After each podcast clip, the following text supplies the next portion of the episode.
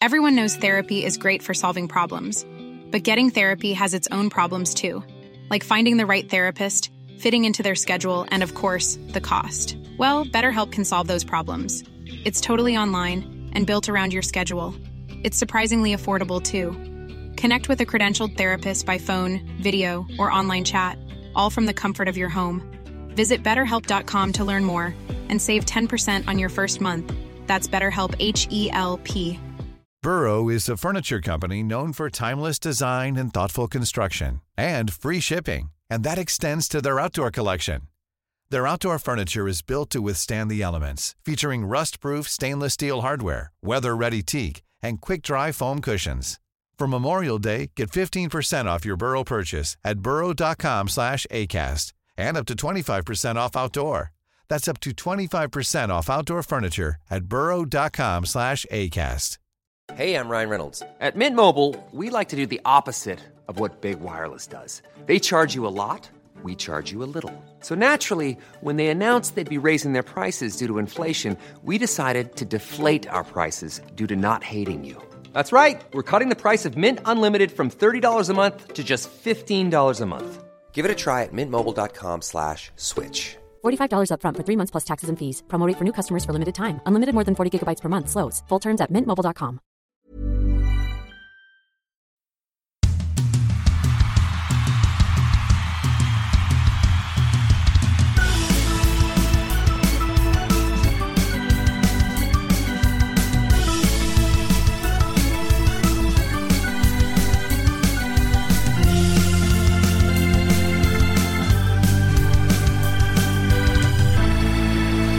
Välkomna ska ni vara till ett nytt avsnitt av Ringside. Jag eh, och Fredrik eh, kommer purfärskt från att igår kväll ha kört Hockey Onsdag Super Live. Och Daggen har varit i Västerås, men ser ut nu att vara hemma i pöjkrummet.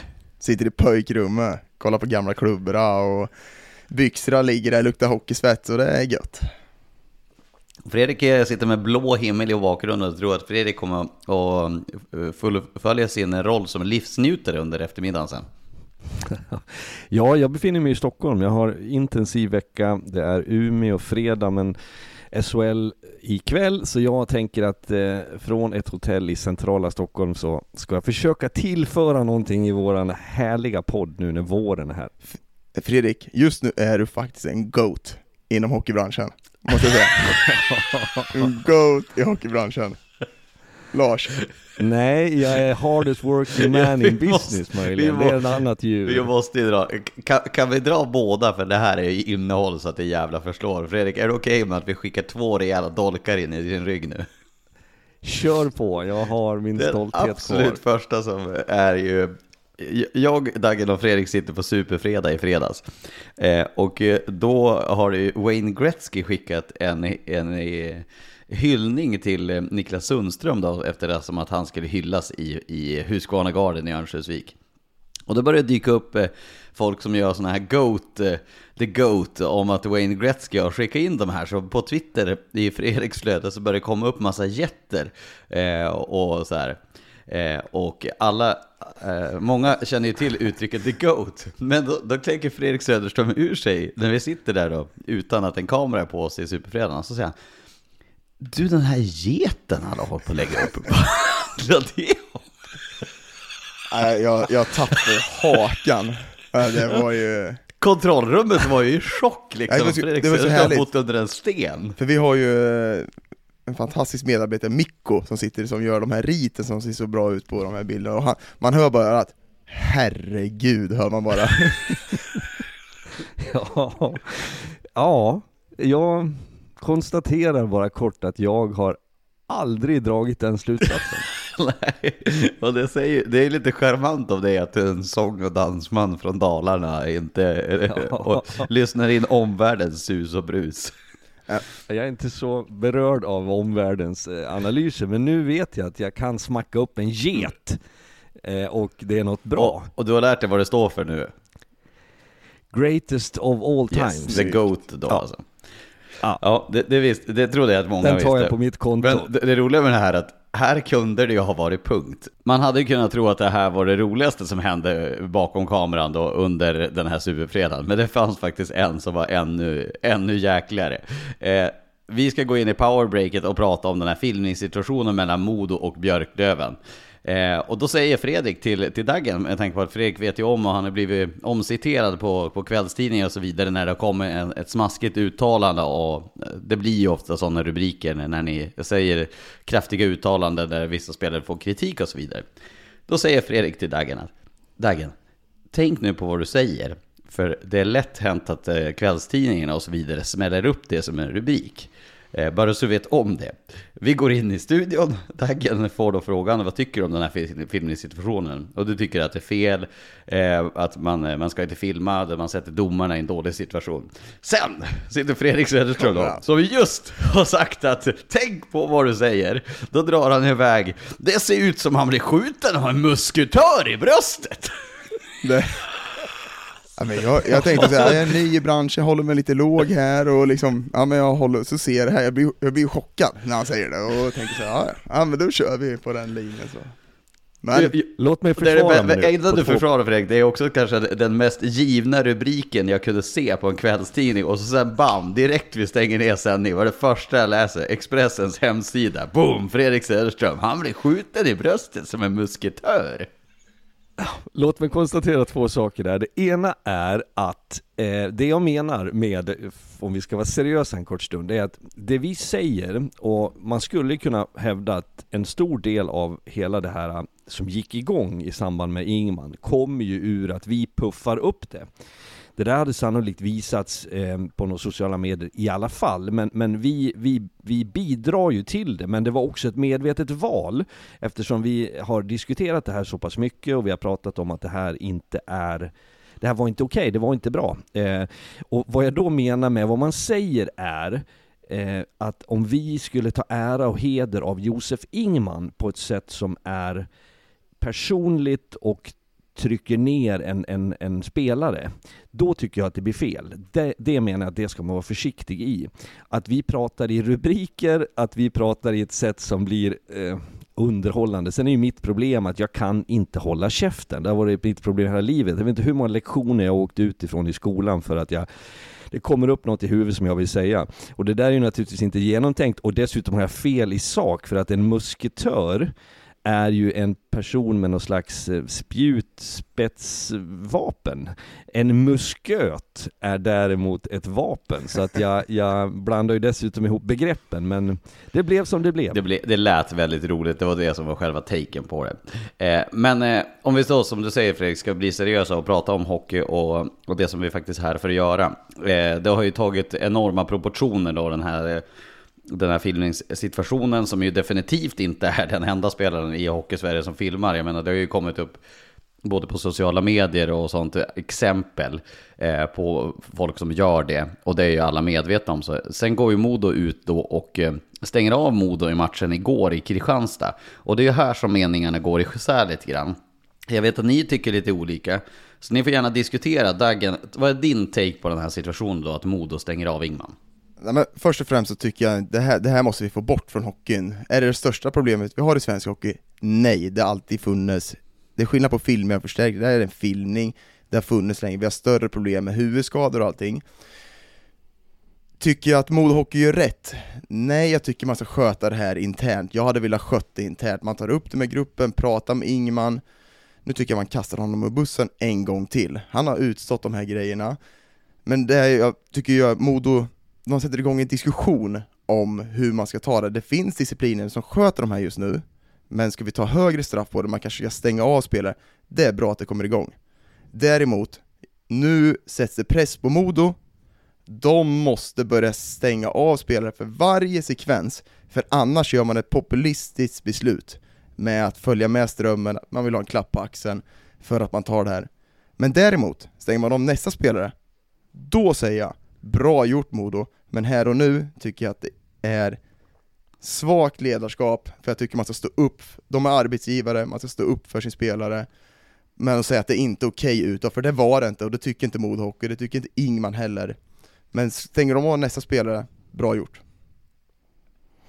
Jag tycker ju tvärtom. Jag, jag, tycker att det är viktigt att någon klubb någon gång tar ett första steg. Jag är också cynisk nog att förstå att hade det varit en en Game 7 i slutspelet så hade det förmodligen sett lite annorlunda ut. Men nu är det två väldigt uppenbara tillfällen i en och samma match. Det pågår i en tid, du pratar om huvudskador, ett allvarligt problem. Ja, det, det var det. Det har blivit bättre. Eh, respektlösa tacklingar har varit ett bekymmer. Det har blivit bättre i min värld så börjar all förbättring med att det uppmärksammas, det, det blir diskussioner. I det här fallet så är det en person som eh, hamnar i fokus och som kommer i kläm och det är Josef Ingman. Men låt mig också säga att på sättet Josef Ingman har bemött dels våra påståenden, för så jobbar ju kvällstidningarna med att man fångar upp det, då är vi tillbaks där igen. Vad har vi suttit och sagt i TV? Det kastar man i ansiktet på Ingman. Han eh, börjar begrunda det han har gjort, han svarar på kritiken, han lägger sig platt. Eh, sen vet inte jag hur turerna har gått i mord och kring internt så att säga när man har tagit sig fram till det här. Men jag själv som tränare varit med om situationer, någon har ju sagt till mig då, men har, har du stängt av någon? Nej, nej men håll käften då. Eh, det är inget argument som håller. Jag har däremot haft klara diskussioner med spelare och med lag som jag har tränat där ska det här förekomma? Vi vet att vi alla vill vinna till, eh, men är det till vilket pris som helst? Men jag lägger det i samma eh, ask som diskussionen kring domarna. För nu har den varit hejdlöst eh, hög, högt tonläge i det, där man har kritiserat domarna för deras insatser och för, för saker och ting som sker. Och då tycker jag att vi försvårar för domarna. Så att min summering av det här är att Modo nu tar det här beslutet vilka interna grunder det är, det vet jag inte. Men det är en signal, det har skapat en diskussion och Josef Ingman har stått på ett väldigt starkt sätt och visat att han har tagit ansvar för sina handlingar. Och så är det i livet ibland, att om jag sätter fingrarna på plattan när den är på så kommer jag att bränna mig och då måste jag någonstans, det kommer en konsekvens. Så att för mig är det, det är ett, ett viktigt och modigt beslut. Jag delar uppfattningen med Dagen att, att det, det ska naturligtvis följas upp och det tror jag kan bli svårigheten för det finns grader i helvetet.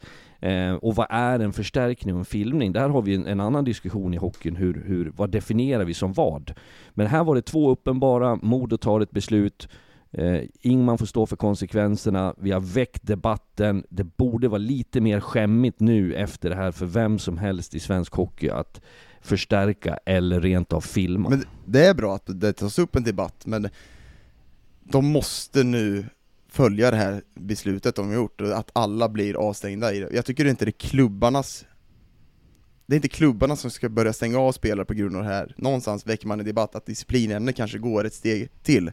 Att man börjar stänga av, man kanske får ja, men 3 plus 2 eller att man får någon typ av sån avstängning till exempel när man gör en huvudtackling, att det blir samma distanser i det.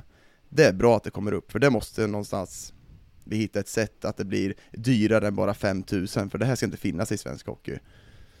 Men jag klappar med händerna om Modo stänger av nästa spelare och om det är under slutspelet, då tycker jag att det är bra gjort. Ja, men jag, jag, jag säger så här också, jag tycker att man har vi hade ett exempel till i veckan var det Leo Karlsson, Örebros supertalangen där som försov sig som inte fick komma till spel.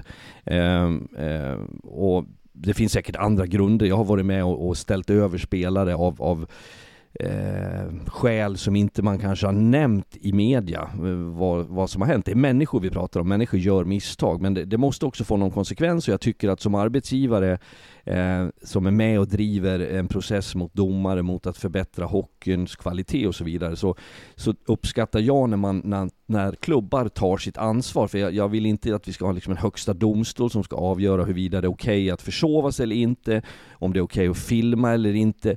Fick han någonting i ansiktet? Passerade klubban? Det, det är svårdefinierat och i den debatten så tyckte jag att det här var uppfriskande och lite befriande. Jag, jag måste bara flika in. Det, det, det, enda som jag kan eh, se på den här situationen, jag tycker inte speciellt mycket för det är inte min roll att göra. Men, men mitt sätt att se på världen det är det att för att det händer en bra sak när man tar ett exempel så tycker jag inte att man måste se allting i världen som ont runt om det. Om någon ger en person en chokladkaka så måste man inte säga jo men han, han har ju stulit en chokladkaka för åtta år sedan. Att, eh, så orkar jag liksom inte se världen. Men jag har full respekt för att folk tycker olika och den här debatten kommer ju att uppstå igen. Det som vore klädsamt är ju om det sker en uppenbar filmning från en annan hockeyklubb nu på elitnivå att de tar rygg och gör samma, vilket gör att det skickar en signal till hockeyn i stort, till den yngre generationen, att vi vill inte ha filmningar i hockeyn. Och här har ju tränare och sportchefer runt om i Hockeysverige nu sett att eh, det finns ett prejudikat på det här. Att det finns en möjlighet att gå den här vägen. Och de kommer ju säkerligen att få frågor då om det kommer en uppenbar filmning, varför de inte stänger av sin spelare. Vad tänker ni om det? Ja men det kommer bli helt omöjligt för klubbarna, för det kommer bli en definitionsfråga på vad är filmning, vad är förstärkning, vad är inte, för klubbarna vilken spelare som gör det. det. det. kommer vara omöjligt för klubbarna att ta de här besluten i framtiden. Därför måste det komma från disciplinen som har det som jobb att sätta ner foten när det är fel på ute på isen. För klubbarna kommer aldrig kunna ha att man gör en uppgörelse, att vi stänger av spelare om han filmar, för då är det upp till klubbarna själv att bestämma vad är filmning, vilken spelare är rätt att filma. Det kommer inte funka. Ja. För mig är det en fråga om, om två olika saker. Det ena är det faktum att vi ska inte låta klubbarna döma. Nej men det är självklart, vi ska inte släppa eh, det, det, centrala och det, det, neutrala som ska göra värderingar och bedömningar. Men det är inte riktigt det jag syftar på. Det här handlar om någonting som är jag tycker att det ska vara ansvarstagande hos klubbarna och eh, lagen, det är hur vill vi att det här ska bedrivas? Hur vill vi, vad tycker vi är en okej okay nivå? Att man vågar, att det ska landa i, i bland spelare, tränare, klubbar också. Hur, hur, ser vi på det här och vilka konsekvenser får det? Och du har varit i tillräckligt många lag Dagen, jag har varit och vet att det förekommer ju saker som är gränsfall i alla grupper av människor, på en arbetsplats, vad som helst, där man behöver ha en diskussion, man behöver belysa ett problem, om det är i det här fallet då förstärkningar och filmningar så, så tycker jag att, att det, jag ser en klar poäng i det. Sen, sen kommer vi aldrig att hitta det optimala, klina spelet där ingen gör någonting som är fel och det är inte det jag strävar efter heller. Nej men där, där gör man, det, det växer en, en diskussion och det är bra. Vad man ska göra med de här typen av filmer, det kanske måste bli en avsägning. Bra Modo, man skapar en diskussion. Sen hade jag skött det annorlunda, ja, det hade jag velat gjort. Mm. Men eh, eh, båda ni är inne på att Josef Wingman, eh, han har ju uppenbarligen uttalat sig och sagt att han skäms om det här. Han har ju också eh, stått upp ragryckare och sagt så här att jag gjorde fel och jag tar den här bestraffningen. Så det tycker jag är kudos till han att liksom så här, eh, han har tagit det på rätt sätt på något sätt. Verkligen. Det som föds är ju dessvärre det, det mörkaste vi har i samhället, de krafterna och folk som tycker att jag måste nå fram med mitt budskap och jag nöjer mig inte med Josef, jag, jag går till attack på hans familj, på hans vänner, passerar alla rimliga gränser. Jag tycker att det är så ynkligt, det är så svagt, det är patetiskt när man på något sätt tar eh, i den mening lagen i egna händer och tycker att man ska få en konsekvens av det. Och då är det ju så här att det tycker inte jag ska eh, ta bort det faktum att man ska våga ta beslut som är lite kontroversiella. För vi ska ju inte låta pöben styra riktningen vi har i, i svensk hockey oavsett vad man tycker i det här fallet. Utan det, det måste kunna finnas någon, någon nivå på det åtminstone. Ja, men Josef har skött eh, klockrent efteråt. Sen tycker inte jag att det här beslutet Modo tar är kontrovers kontroversiellt. Jag tycker verkligen att de följer strömmen på ett helt annat sätt. Så ja, jag tycker eh, inget sånt där skit, det är för mycket sånt på sociala medier redan, varför ska man gå på? Jag förstår inte vad det kliar i fingrarna hos folk att man måste skriva, framförallt med en sån här grej heller. Han har inte skadat någon, han har inte gjort någon illa. Ready to pop the question? The jewelers at BlueNile.com have got sparkle down to a science with beautiful lab-grown diamonds worthy of your most brilliant moments. Their lab grown diamonds are independently graded and guaranteed identical to natural diamonds, and they're ready to ship to your door. Go to Bluenile.com and use promo code LISTEN to get $50 off your purchase of $500 or more. That's code LISTEN at Bluenile.com for $50 off. Bluenile.com code LISTEN. Hey, I'm Ryan Reynolds. Recently, I asked Mint Mobile's legal team if big wireless companies are allowed to raise prices due to inflation. They said yes. And then when I asked if raising prices technically violates those onerous two year contracts, they said, What the f are you talking about, you insane Hollywood ass? So to recap, we're cutting the price of Mint Unlimited from $30 a month to just $15 a month. Give it a try at mintmobile.com slash switch. $45 up front for three months plus taxes and fees. Promoting for new customers for limited time. Unlimited more than 40 gigabytes per month. Slows. Full terms at mintmobile.com. Burrow's furniture is built for the way you live. From ensuring easy assembly and disassembly to honoring highly requested new colors for their award-winning seating, they always have their customers in mind. Their modular seating is made out of durable materials to last and grow with you. And with Burrow, you always get fast, free shipping. Get up to 60% off during Burrow's Memorial Day sale at burrow.com slash ACAST. That's burrow.com slash ACAST. burrow.com slash ACAST. La, finns ingen anledning att göra någonting. Eh, där tycker jag att vi sätter punkt på det. Eh, jag vill ta, hand, eh, ta vid från gårdagen då eh, och prata om det som är ännu mer aktuellt. Eh, nu pratar vi om vår egen eh, produkt här och det vi själva har jobbat med, så det blir ju lite speciellt här då. Eh, men eh, det är ju klart intressant att höra reaktionerna hur det var då efter det vi gjorde igår, nämligen Hockey Onsdag Super Live. Och eh, egentligen så ska inte vi här sitta och tycka till om det, eh, men bara kan vi förklara konceptet att eh, vi, vi körde alltså istället för att ha en huvudmatch där vi åker ut till Västerås eller till Södertälje eller till Karlskoga och gör en studio på plats där vi står mellan bänkarna och, och ramar in en match och så sen ger vi målen i, i pausen. Alltså körde vi en studiosändning där vi gav eh, målen och powerplay, de heta sekvenserna, liv direkt. Att vi helt enkelt, eh, det, det, är ju lite grann som radiosporten gör, att man går dit och blir mål. Det kommer en måljingel, då hoppar man dit. Samma sak som eh, NFL gör när de har Red Zone. Eh, och det var ju ett speciellt koncept. Fredrik, eh, vi, vi gjorde ju det här. Och det, det var ju aningen annorlunda att sitta och göra fem matcher samtidigt. Men eh, lite häftigt så här med tanke på all dramatik som fanns nu i slutskedet av säsongen. Och det ska sägas att vi gjorde det här i onsdags igår och kommer att göra nästa onsdag. Det är bara det som är planerat just nu. Jag förstår ju eh, absolut tanken med det. Jag följer inte NFL så jag hade inte den bakgrunden i det, det vilket eh, du är eh, inne i så att säga. Så för mig var det en, en ny upplevelse på många plan.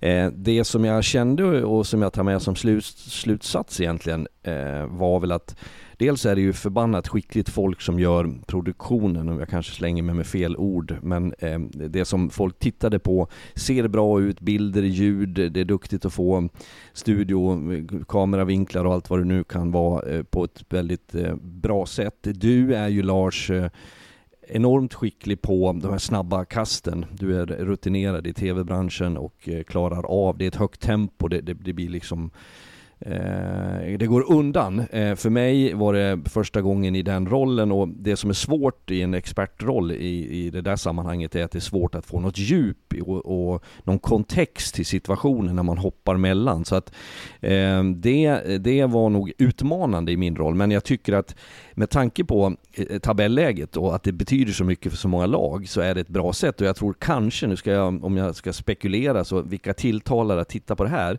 det är väl främst de som inte följer sitt lag, som kanske inte har ett lag. De som har ett, som är SHL-anknutna men som vill titta på Hockeyallsvenskan, eh, får liksom det bästa utifrån olika situationer. Och på så sätt tyckte jag att det var, sändningen gick bra, vi fick ju lite draman, det är, ena sekunden så är det, en, det, det här gapet mellan två lag, eh, strax därefter så är det kvitterat och då, då har saker och ting förändrats. Så jag kan ju bara tänka mig att nästa onsdag, när det är näst sista omgången, då kan det ju vara sanslöst dramatiskt kring några matcher och därför så, så görs det här. Så att det är ett nytt koncept och det var ju bara sista jag ska säga, vi, vi plockade ju inte bort någon match. Det var inte så att någon inte kunde se sitt lag, utan det här var, vi adderade ett alternativ för de som så vill och det sitter säkert några rackare och tänker, kära någon, vad var det där? Det här var ju klappkast, jag orkar inte med det. Eh, jag fick en till oss närstående som sa, jag behövde åksjuketabletter. Eh, och det säger ju lite grann om att det blir ju snabba kast. De tilltalas inte, andra orkar inte sitta och titta på en trött match i sin helhet. Så att, eh, kul upplevelse! Jag säger det, ja, nu var jag i Västerås och jobbade med den matchen, men just dramatiken som du säger Fredrik, med sluttampen här, man får allt det bästa, man kan också sitta och luta sig tillbaka i soffan och få när det händer, matcher, eh, händer något i matchen, när det blir powerplay, när det blir mål, perfekt upplägg för den här avslutningen och det tror jag konceptet kommer vara ultimat för just den här snabba kasten, tabelläge som det är nu just nu, där det liksom Tingsryd upp, Östersund ner, vi har eh, Modo och Björklöven slåss om första platsen, vi har strecken som lever, då tror jag konceptet är riktigt bra. För att summera gårdagen så fick vi ju faktiskt oväntat mycket dramatik. Jag menar, Kristianstad hade en 2-0-ledning mot Modo, vilket gjorde att jag misstänker att Löven-fansen, Mora-fansen, Södertälje-fansen tänkte shit, nu, nu finns det ett race här om första platsen. Modo kvitterar, går upp till ledningen, tar över första platsen. Tingsryd hade ledningen mot Västerås, då var det en poäng som skilde mot, mot Östersund just där och då, med tanke på att de låg under mot Södertälje. Det fanns ju verkligen skick, eh, skiftningar i tabellen. Men, men jag tänker att vi ska gå in på hockeyn från igår. Och Daggen, eh, du såg ju ett Västerås nu som ju har verkligen har hittat någonting. Alltså resultatväg nu så fyra segrar på de fem senaste. Och ligger ju nu nia i tabellen och har ju all möjlighet att få hemmaplansfördel. En poäng bakom AIK i tabellen, de nästan identisk målskillnad också. Eh, vad säger du om Västerås då? De har ju dessutom igår säkrat det hockeyallsvenska kontraktet dessutom. Ja men det, det, ser bättre ut, det är ljusare tider i Västerås. Jag tycker försvarsspelet ser bra ut. Fortfarande lite puckstirrande, man går bort sig lite i vissa situationer, men det är stabilare. Kanske lite avvaktande i början av, av matchen när man kommer över, se ett Västerås som tar kommando på hemmaplan, kommer ut och kör på dem. Tycker jag man gör i andra perioden. Man kör ju mycket den här mittzons spelet med att backa hem, men det kan bli, upplevas lite passivt. Jag tycker man kommer ut i andra, då, då tar man tag i matchen. Sen har man också fått, när Teroletti har kommit in, man har fått en positiv utveckling på den mentala biten. Att ut, spelarna har utvecklats, jag tycker Lundsjö ser bättre, jag tycker Robertsson, Dove Nilsson ser bättre. Det är många som har fått den här Lorek, Jimmy Jansson Lorek, ser bättre ut, de har bättre, axlarna kommer ner på ett helt annat sätt. De kommer in med en helt annan sak nu om de kommer komma i slutspel, som jag tror de kommer göra. de får också den här skjutsen in. Så allt ser lite bättre ut, har de saker att slipa på? Ja, försvarsspelet ser okej okay ut, men det kan bli bättre. Känslan är väl för min del egentligen att Västerås det de har gjort i mina ögon är att man återupprättar lite heder gentemot sig själva, sitt lag och sina supportrar efter en väldigt stökig säsong. Det är ju inte överraskande för mig att de har eh, stabiliserat det lite. Vi touchade vid det från studion lite grann igår och jag har sagt det tidigare i några sammanhang också att det som sker när man eh, byter tränare är ju inte att det kommer in en frälsare eller så, utan det är ofta en person som får ett bra tillfälle att öka kravbilden, eh, krympa på något sätt den här eh, boxen, in, vilken inom du ska ha dina speldelar och hur du ska jobba och det är mycket lättare att på något sätt pusha spelarna. Plus att spelarna tar ett större ansvar. De vet om att det var inte Thomas Pananens fel i sig och i sak och i bara hans fel, utan det är någonting vi har gjort tillsammans. Så att du, du får en, en struktureringsförbättring som har skett i Västerås. Så jag tycker också att man ser lite mer passion. Sen är det ju den där faktorn som är så svår att definiera, men det, självförtroendet och det mentala när du vinner. Jag ser ju igår när man tittar på Västeråsspelarna som står och dansar efter så är det ju, det är ju en lycka och det tror jag man glömmer ibland när man pratar elitidrott att det skulle bara vara rent professionellt. Det är också frågan om känslor och hur människor mår. Och det, det känner man när man är nere i katakomberna innan också, det är en helt annan atmosfär i Västerås. Det, det är glädje, man vill ut och spela, man vill synas, man vill ta kommando i matchen på ett det gjorde man inte igår, men man vill ändå ut där. Sen så är jag lite nu börjar det snackas, jag, när man är där nere, Terroletter är bra tränare, han har ändrat det här. Jag tror att det är farligt om Västerås sätter sig i den här lite nyförälskelsen med den här tränaren, att man nu signar vi upp honom på ett långtidskontrakt, man verkligen hittar den här tränaren. Nu tror jag för Västerås, nu har man gjort det bra, man kanske kommer in i slutspelet, lugn och ro, sätt er och utvärdera det efteråt. Jag tror att inte förhasta någonting för dem, för det har man gjort förut med sådana här saker. Så jättebra vändning på den här säsongen har de gjort. Håller du med om det Fredrik, att man ska, man ska tänka till där om, om man ska köra på Terror över tid? Verkligen. Eh, där tror jag Dagen är helt rätt ute. Det, det, fler klubbar skulle oftare eh, utvärdera på djupet. Eh, jag tror att för ofta så sminkar man över lite besvärligheter och så går man vidare. Jag tycker generellt att rekryteringen av tränare eh, föregås av lite för dålig scouting. Eh, för man ska ha klart för sig att det är väldiga skillnader mellan tränares hockeymässiga filosofier, ledarskapsegenskaperna. Det finns så mycket som skulle kunna kollidera. Jag får inget annat än ett gott intryck av Lehtere. Och jag tror att i det här läget som vi har pratat om så många gånger så var det nödvändigt med en förändring. Men eh, för Västerås del, som jag ser som en frisk del av Hockeyallsvenskan med en hög ambitionsnivå, Eh, det finns en, en kärlek till klubben bland supportrar som gör att det är ett intresse kring eh, VIK.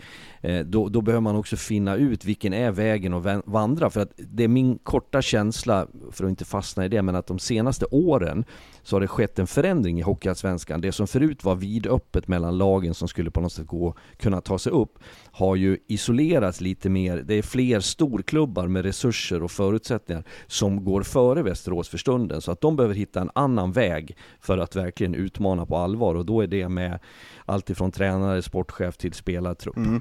Och sen ska vi kolla på andra sidan, då var Tingsryd som jag tycker prestationsmässigt, den, den finns där. Det, 20 minuter i matchen, man, man kommer upp i nivå, jag tycker det ser bra ut, man, man pratade igår om att man skulle stänga ner mittzon på ett annat sätt, det gör man bra i 20 minuter, man också har en bättre offensiv, man försöker lasta lite in lite puckar på mål. Men det är för uddlöst i det här Tingsryd, de, de kommer inte igenom, de bryter inga mönster. De gör det i 20 minuter, sen faller de ihop. Och ska vi prata mentala biten, jag ser hela, i andra perioden när de gör ett, när Västerås gör 1-1, det blir 2-1, hur de sjunker ner, sitter ner på bänken, inget drag. Här har de mycket att jobba med. Jag pratade lite med Glader innan matchen och frågade, har ni börjat prata om eh, kvalserien, eller den här playouten? Ja, vi är inte riktigt där, de kollar uppåt liksom. Jag tror någonstans man måste sätta sig ner och börja prata om att det kan hända, för Västervik, de har bestämt sig sedan tidigare, vi kommer spela playout-matcherna. Och där har man en fördel om du verkligen mentalt är där innan. Tingsryd har chans att kliva upp, men som det ser ut nu spelmässigt så är de inte riktigt där. Det är ju som vi sa igår Lars, om jag minns rätt, du får korrigera mig om jag i röran med en ny sändning sa någonting annat än vad jag säger nu, men just att eh, Tingsryd har ju de har varit indragna i problem förut, man har klarat sig undan. Sen är det väl lite så här att, att eh, och gjort det bra, jag menar det är en fördel att man vet vad som väntar. Sen är det ju lite grann så här att förr eller senare så smäller det. Du, du, du kan inte år efter år titta på SHL där ja, du har Malmö just nu, det är Brynäs, HV, det är, det är de här lagen som har varit indragna i det. Det, det är ofta så, det är svårt att komma ur det där på något sätt. Så att eh, jag, jag, är lite oroad när jag ser Tingsryd igår. Nu jobbade inte vi med den matchen direkt, men utifrån de bilder som vi har så jag tycker också att det känns lite för blekt och eh, Sen är ju en bäst av sju-serie någonting helt annat om de skulle hamna i det negativa kvalet mot ett Västervik som är de klara då? Ja, det, finns de en liten, det finns en teoretisk möjlighet att de kan ja, undvika kvalet, men det ska ju till ett mirakel där ja. Venus, och, Venus och någon planet stod i, linje igår. Det krävs fler planeter i linje för att det ska lyckas. Man ska aldrig döförklara en patient innan den är död, så är det. Eh, för att vara väldigt eh, rätt fram där. Men eh, det är ju så att, att de Eh, för det, det signaler, vi hade ett resonemang kring SHL i förra veckan eh, med, med, lagen som, vi hade Joakim Fagervall som besökte oss, eh, det var lite personalbrist i SHL-studion i lördag så, så Fagervall var med och har ju brutala erfarenheter och vi pratade mycket om det eh, före sändning och även i sändning. Och han menade på, som ändå har varit i den situationen att när du eh, i sista stund hamnar där så har du levt på ett hopp som är väldigt svårt att ställa om till en verklighet som de lagen som faktiskt redan har befunnit sig där eh, de facto. Så eh, intressant att se när det väl sker. Eh, intressant att höra Fagervall där också, hur, hur, man, hur man mår under det där. Man kan ju, man kan ju inbilla sig hur, hur jäkligt det är, men det, det är ju det är starkt att höra liksom hur det på, påverkar hela gruppen och de eh, som var med i Djurgården hela vägen i fjol. Eh, jag, jag, jag, tycker att vi ska... Jag ska bara säga det, vi hade en säsong i Karlskoga det, vi hade, det var tror jag tio matcher kvar, vi låg tok sist hela säsongen. Jag kan säga mitt mindset var inte att spela kval, vi skulle bara komma över det där.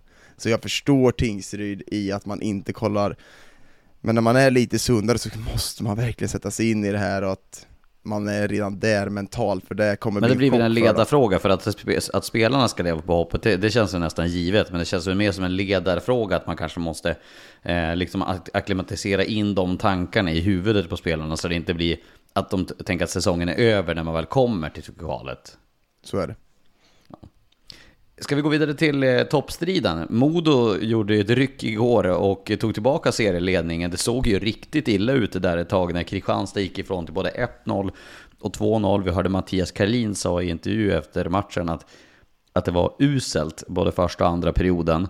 Eh, jag såg lite grann av den matchen när, när jag kom hem igår kväll. Och det Modo gör de första, ja, i alla fall 30 minuterna, det är ju allt det de har gjort fel den senaste tiden. De får liksom inte ihop det här passningsspelet de har haft eh, som framgångsrecept. Det känns oklickat, osynkat. Men sen hittar de ju något sätt att trycka på den där knappen när det är Riley Woods och Mikael Ågren och Nick Halloran och de här ledande spelarna som tar dem tillbaka. Och nu är Modo serieledare och har det i egna händer de kommande tre matcherna. Det är ju en monumental skillnad att måste förlita sig på andra, andra matchers resultat. Sen, sen så tycker jag att eh, Kristianstad borta, vi har pratat om den matchen förut, jag tycker att den är svår. De har inte kommit upp på den nivån, men det är svårare med det här det blir lite rörigare i Kristianstad, man, man kanske inte får igång det här passningsspelet på samma sätt, det kommer spelare hela tiden. Så ta inte bort Kristianstads prestation, att man gör det bra mot ett starkt Modo. Så jag tycker ändå Kristianstad gör det bra under två perioder, om man ska se det på ett annat sätt. Men sen så självklart visar ju Modo någon slags styrka att komma tillbaka som man gör. Fredrik, han du dra ut av den matchen och, och allmänt toppstriden då, kampen och seriesegern som i, i mångt och mycket nu står då mellan Modo och Björklöven när eh, Mora förlorade igår mot Almtuna. Om jag kort börjar med eh, det som var igår och Kristianstad så, så ligger det ju, Dagen har en poäng i att det, det, blir lite sönderryckt match när Kristianstad sätter den sidan till. Jag tyckte att det var bra eh, situationer som föranledde eh, både 1-0 och 2-0, att det fanns det där gamla Kristianstad. Sen, sen har vi, vi är i mars nu och vi har suttit sen i oktober tror jag sagt att det, det kommer att bli bättre. Kristianstad har inte blivit tillräckligt bra. Det är därför de är indragna i en problematisk situation där nere. Och med det i åtanke så anser jag att Modo eh, skulle vinna matchen igår. Nu gör man det och jag kan på något sätt, när man inte jobbar direkt med den matchen så är det svårt att analysera de första 30 minuterna eller vad det nu var som, som Karlin var butter över.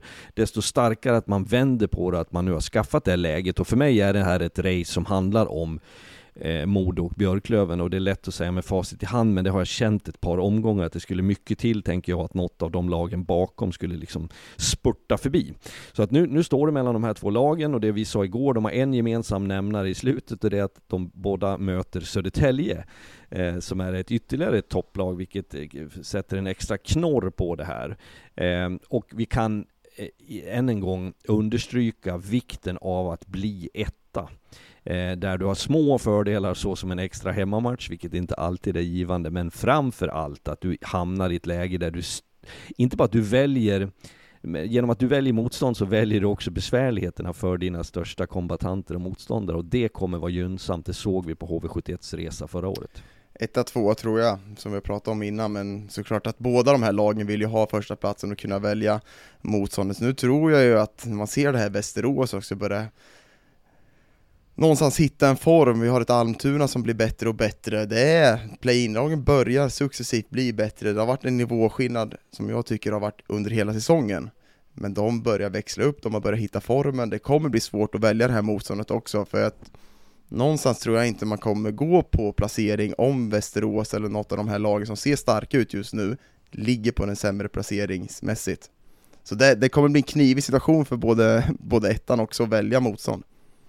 Bara för att dra förutsättningarna. På, på nu på fredag eh, så ska herr Söderström upp till eh, Umeå för att eh, vara på plats och se Björklöven mot Västerås. Samtidigt möter Modo Tingsryd som i, ja, måste ju typ vinna den matchen. Måste ha med sig poäng från den här matchen i alla fall, vågar jag nästan säga. Eh, nästa onsdag, då möter Björklöven Västervik då, som då är helt avsågade mest troligt. Medan Modo möter Södertälje hemma, som de har haft jättebekymmer med den här säsongen. Sista omgången har Modo Karlskoga hemma och Björklöven åker till Södertälje för att möta Södertälje borta. Och då ska vi ha i åtanke att Södertälje vann de två första matcherna mot Björklöven också. Förlorade senast i Umeå för en vecka sedan när de hade borta Videll. Det kommer bli ett jävla race. Och jag säger det, man kan kolla på spelschemat, vilka möter topp 6, vilka möter de här 7, 8, 9 längre ner. Jag tror inte det är fördelaktigt att möta de här lagen som ligger på play-in och de här som slåss efter slutspel. Man vill inte möta de lagen i slutet, hellre möta topp 6-lag som kanske är klara för slutspel, som vet sin placering, att man är klara för den här kvartsfinalen. Lite mentalt också hur man jobbar med dem. Eh, nu, nu kommer Fredrik att säga så här att det är inte avgjort för att det bestämmer sig inte då, men det känns ju som att det är en nyckelmatch i alla fall för Björklöven, Västerås-matchen hemma på fredag. Vågar vi säga så mycket? Ja men den, ja så är det ju. Björklöven behöver ju vinna sitt. Eh, för, för man måste förutsätta det. Det gör man i, som lag att, att de man tävlar mot så att säga kommer också att vinna sina matcher. Sen flaggar jag för, och det här kommer få en och annan att tänka att men nu är det väl slut. Eh, men att, att möta Västervik, ponera att Västervik är klara för ett, ett kval. Eh, det ska man ju vinna, såklart. Men det finns någonting i det. Jag har själv varit i situationer och ta också Björklöven specifikt som har gjort en fin säsong och som är definitiv utmanare till SHL-platsen. Men när är det de har haft svagast insatser? Jo, det är i matcher där man tycker på förhand att de ska vinna och göra det ganska komfortabelt. Så att den tror jag kan vara lite läskig. För man vet inte riktigt hur den där, vad, den, vad en sån match tar vägen. En inflikning här. Hur mycket påverkar det här då? Modo, som vi sa igår, Emil Wahlberg spelar center under delar av matchen. Eh, Jakob Norén gick upp på fick också, för nu alltså Erik Ginesjö klev av skadad igår. Det är oklart e- exakt vad det är som gäller där, men, eh, men han klev av matchen i Kristianstad igår. Eh, vi vet att Josh Dickinson saknas och vi vet att Marcus Vela varit frånvarande, kan förvisso vara på väg tillbaka. Men tre centrar borta i det här Med risk för att låta som Lyckner, eh, våran eh, gode vän och kollega som har helt rätt i betydelsen av centra så är det där besvärande, definitivt. Men sen tänker jag också, tänk om inte Modo hade agerat som de har gjort med att plocka in folk. Då hade det ju varit ett väldigt prekärt läge. Så att eh, man har säkert budgeterat för att saker och ting kan ske. Sen är det ju förbannat olyckligt när det är på samma position. Och det slår ju aldrig fel det där. Det är ju liksom, ska eländet komma så kommer det gånger tre. Sen vet vi inte det, var, det var ju samma som Björklöven hade i, i finalserien i fjol mot, eh, mot HV71 där de har till slut spelat på typ två hela backar. Men det är just det här de har pratat om i Modo. Vi måste ha en bred trupp för att vara starka nog om de här skadorna kommer och det har de adderat nu. Det får man också testa på sen som Fredrik är inne på, att det händer på samma positioner. Det är såklart olyckligt, men sen hur mycket skador har de ett pistol mot, eh, mot skallen? Nu är det slutspel, nu kan du spela då tror jag att man, de flesta kan spela. För att addera det där, de har ju en, en spelare som kan spela center i Daniel Manberg som också var borta igår, så egentligen så är det nästan fyra då som är borta. Det... Men, men det där är bara, låt oss säga det för de som inte har samma insikt kanske som vi har i, i, i hockeyns värld, att man har ju också, for safety reasons så väljer man ibland att, att hålla en spelare en eller två matcher extra utanför, när man vet att Eh, Eh, man, man, får liksom välja mellan, ska vi akut chansa, vi, vi måste göra någonting nu, eller kan vi vara förståndiga rent, eh, och man har ju läkare och fysios av alla dess slag som gör de här värderingarna ihop med spelaren och ihop med tränarna. Att vad, vilken väg ska vi vandra för att få ut så mycket som möjligt? Så att jag, jag, jag tänker att när väl slutspelet går igång så har man en mycket högre tröskel för huruvida jag inte kommer till spel. Det, jag tror för Modos del så är det stor vikt att få tillbaka Josh Dickinson. Tycker han, man ser på Modo att man saknar den här tyngden i den här första kedjan och det här ångloket som verkligen trummar på varje kväll. Man, man ser verkligen, man, jag tyckte att han varit väldigt bra, men man ser också hur stor betydelse han har haft nu när han är borta. Tillsammans med, förra året var det Sam Vigneault, men Dickinson har varit enorm och det ser man nu när han har eh, skadefrånvaro. Djurgården vann igår igen och vi pratade om det i sändningen igår att Djurgården lämnade alltså februari utan att eh, gå poänglösa från en enda match. Så de hade en väldigt stark februari. Ny seger igår mot BIK Karlskoga eh, och eh, nu har Djurgården häng på, de har ju en teoretisk chans att sluta trea. De är fyra poäng bakom Mora som är trea. de är två poäng bakom Södertälje som är fyra. Så hemmaplansfördelen finns ju också att spela om för Djurgården nu som gör en rejält stark push här. Och vi ska vara tydliga med det också Fredrik, att eh, du pratade om det igår, att eh, dina förväntningar på Djurgården inför slutspelet, de har eleverats. Ja men så är det absolut. Jag, jag är den första att, att erkänna att, att i, i vår position, om jag tänker på TV först och främst, så gör vi analyser och på förhand spekulationer. Sen läser vi in och värderar vad som sker under en säsong. Och Djurgården har ju varit väldigt hårdbevakade av det enkla skäl att det är just Djurgården. Det fanns stora förväntningar inför säsongen. Man kontrakterade spännande spelare. Sen för min del så kände jag att det fanns tvivel i sammansättningen under hösten. Vem ska göra vad? Rollfördelningen, det kanske var ett överskott av en viss typ av spelare. Sen den pressen som medföljer på Djurgården och när de inte då vann matcher på ett sätt som var tillfredsställande så kommer krisrubrikerna, man bytte tränare. Sen har ju de haft en problematik och låt mig säga det en gång för alla för att det, det gäller alla lag. Men jag tycker att Djurgården tillhör de som har haft dels flest till antalet, man hade även JVM-spelare borta, men det har stökat till det mest för dem. Det har liksom varit bärande spelare på, på väldigt tydliga positioner som, som har fått det att bli lite stökigt. Men sen har de hittat någonting, och det ska jag ge Djurgården. Jag tycker att de är mycket, mycket stabila. De har gått från att vara lite riskfyllda, lite chansartade, de har försökt att vara kreativa och konstruktiva i alla lägen, till att spela lite snålare, lite torrare, lite tråkigare, men därmed också vunnit matcher. Och med det kommer ju då en helt annan känsla av att vi tror på det här. Och det är där Djurgården befinner sig nu. Så att för mig, ett Djurgården in i ett slutspel kommer vara högintressant och jag tror att det kommer att vara för det har vi sagt hela säsongen, det säger jag igen. Det är mycket mer ovisst än vad vi hade förra året, eh, den förra säsongen ska jag säga, där det var på förhand så tydligt HV kommer ta det här så allt och alla och det blev med så liten marginal. Så att Djurgården har tveklöst vuxit i mina ögon och kommer ha en rimlig chans i ett slutspel. Håller med. Eh, jag kan inte summera det bättre än vad Fredrik gjorde nu.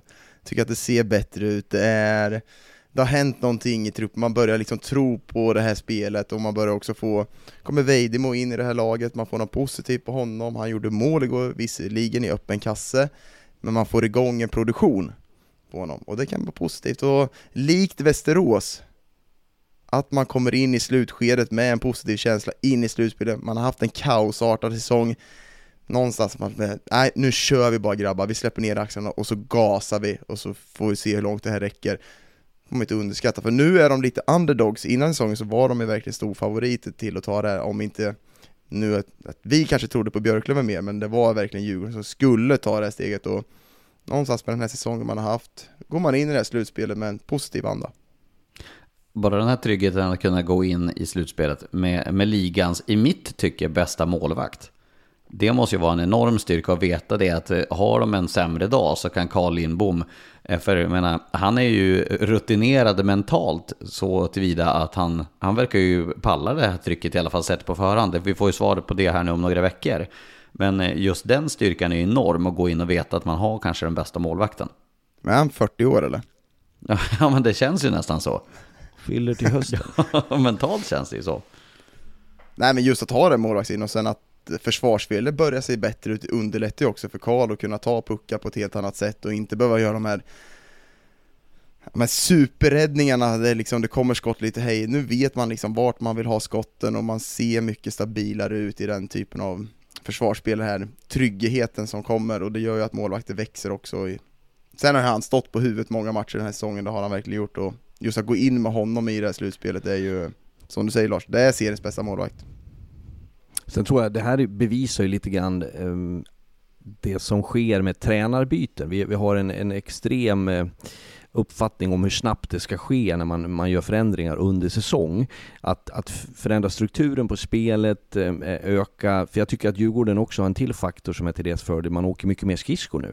Man, man sätter press, man jagar. Jag tycker mot Karlskoga så, så forcerar man fram misstag och man vinner puckar på ett sätt och det här, de, de sakerna tar tid. Eh, och det är ju egentligen att underskatta tränaren eh, när man tycker att det borde funka efter ett par matcher, alla förändringar, för det innebär att det skulle varje säsong vara, man skulle vara briljant redan i träningsmatcherna. Så att det är en fas av förändring som tar tid. Jag tycker att Djurgården eh, börjar eh, pika mot någonting nu. Sen får vi se till 99% är det bara bra när det kommer tillbaka bra spelare. Men det finns också, jag säger inte att det drabbade Mora igår, men vi, vi pratade ju om det lite kort Lars. De hade samtliga gubbar med igår och gör en ganska blek insats. Eh, med det sagt, eh, vill du inte ha alla med? Jo, det vill du. Men det som kan ske med det, det är lite lex Modo när de plockade in de här och fortfarande hade många med. Vem ska göra vad? Man tittar på varandra. Är det inte du som ska backchecka? Nu kan jag vara lite skön. Det där, det, det finns en, det är det som gör den här sporten så vansinnigt intressant. Jag tycker också att det, av det vi såg av Almtuna mot Mora, eh, såg också delar, delar av andra perioden igår kväll när jag, när jag kom hem eh, efter sändningen. Och jag tycker att Almtuna gör det riktigt, riktigt bra mot Mora också. Almtuna är för jäkla svåra att just det här att peka hål på en ballong när du får 1-0, 2-0 i, i en match. Det har jag sett flera gånger den här säsongen att, att Almtuna, det är väldigt sällan Almtuna förlorar, förlorar stort. De är nästan alltid med i matcherna. Eh, det tycker jag är starkt av Almtuna. Jag vill inte gå in allt för mycket på djupet på det. Jag tänkte vända till Södertälje, eller Daggen, hade du något att säga om Almtuna? Det såg ut så nästan. Ja, men bara om vi ska prata om målvakter, Viktor Andrén har vi knappt pratat om den här säsongen. Han har verkligen steppat upp och fått en, en någon... Du måste kolla Superlive, ja. Daggen, för där pratade vi mycket. Sorry, sorry, jag ser på bollen. Men han, jag tycker han uh, har bevisat den här säsongen vilken bra målvakt han är. Och, och kliva in i ett slutspel med honom, det är, det är en riktig dark horse Almtuna måste jag säga. Eh, Södertälje då, eh, rapporterna enligt eh, sportchefen Emil Georgsson sa han till eh, Länstidningen igår. för att citera. Vi vet inte om han kommer kunna spela slutspelet än, säger Emil Georgsson om Linus Widell. Det låter ju oroväckande. Ja, den är tuff. Och jag, Den är tuff. Det är sällan jag har sett en spelare som har betytt så mycket för sitt lag med den här ja, med drivet han har i spelet och för Södertäljes del så måste de få tillbaka Linus Videll om de ska ha en chans i det här slutspelet, för han betyder enormt för det här laget. Det finns ju en, en MVP-aura över honom i dess fulla prakt. Och jag tycker ändå att eh, det Södertälje gjorde igår eh, var säkert inte skimrande på alla sätt. Jag uppfattade Bogren i en intervju som att han tyckte rent ut sagt att det var svagt var det andra perioden tror jag han pratat om. Men han eh, har definitivt eh, eh, en poäng i att han leder också ett lag som är stabila på något sätt. Och, och men skulle behöva spetsen i Videll såklart. Jag skulle vilja säga, eh, bara för att summera den här podden, att eh, Videll och Kryger känns ju som de spelarna som eh, har, har den här MVP-titeln just nu. Jag kan inte komma på någon på rak arm som har betytt mer för sitt lag än de två spelarna.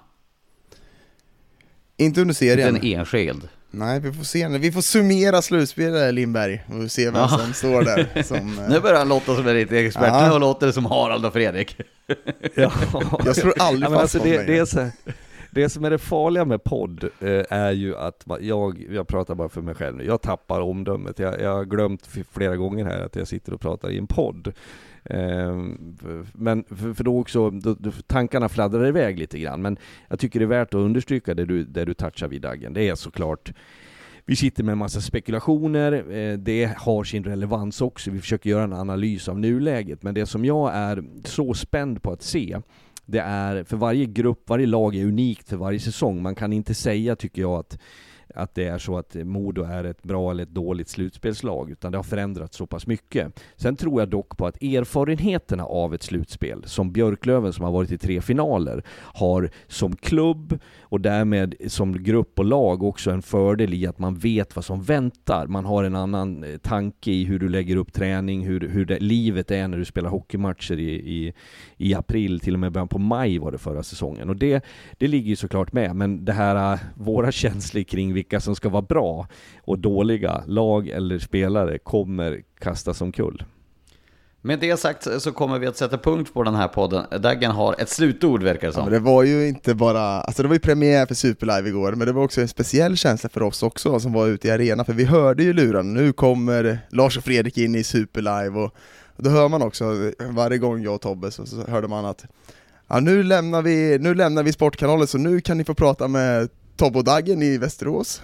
Det var som att nu får, nu får ni ta skiten här när vi lämnar Sportkanalen. Det var... Det säger sig självt, vi kan inte släppa ut vad som helst i rikstäckande TV. Vi behövde gå på toa Daggen, så ni fick prata lite grann medan vi Jag och Tobbe, jag och Tobbe, blickarna de bara...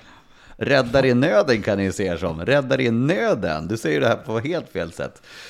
Men med det sagt, så summerar vi podden och om ni tycker att det var för kort podd så är det mitt fel. För jag har ett alldeles för optimistiskt tidsschema under den här torsdagen. Herregud Lars Lindberg. Jag ska handla för sju, sju personer som ska till fjällen nu, sen ska jag direkt upp till, till skoterkörning och skidåkning. Så att det, det, det blir tajt här, så jag uppskattar att vi fick till det här i alla fall på Vissa något jävla kan, vänster. vissa kan. De rika lever sitt liv. Noterbart är att eh, SAS höll tiden, taxin höll tiden. Då är det mitt jävla wifi hemma som strular, då blir man ju vansinnig på. Nog om det. Tack för att ni har lyssnat på Ringside. Eh, missa inte 18.30 eh, så är det Simon Hockey som gäller, det är Kajsa Kalmeus, Fredrik Söderström och eh, två ytterligare. Det var lite oklart vem som skulle komma Stefan till. Klemets, Sara Lyckner. Ja, så är det. Eh, de kommer att bjuda på Björklöven och Västerås. Och ni får såklart alla mål från den matchen också. Daggen, han är på ceremoniella saker, så han, han ska inte bli störd under fredagskvällen. Han kommer inte att vara tv-mässig. Ta bort, ring inte mig, då är det fest. det är det. Ta hand om er där hemma. Ha det gott. Hej hej. Mom deserves the best, and there's no better place to shop for Mother's Day than Whole Foods Market. They're your destination for unbeatable savings, from premium gifts to show-stopping flowers and irresistible desserts. Start by saving 33% with Prime on all body care and candles. Then get a 15-stem bunch of tulips for just $9.99 each with Prime. Round out Mom's menu with festive rosé, irresistible berry chantilly cake, and more special treats. Come celebrate Mother's Day at Whole Foods Market.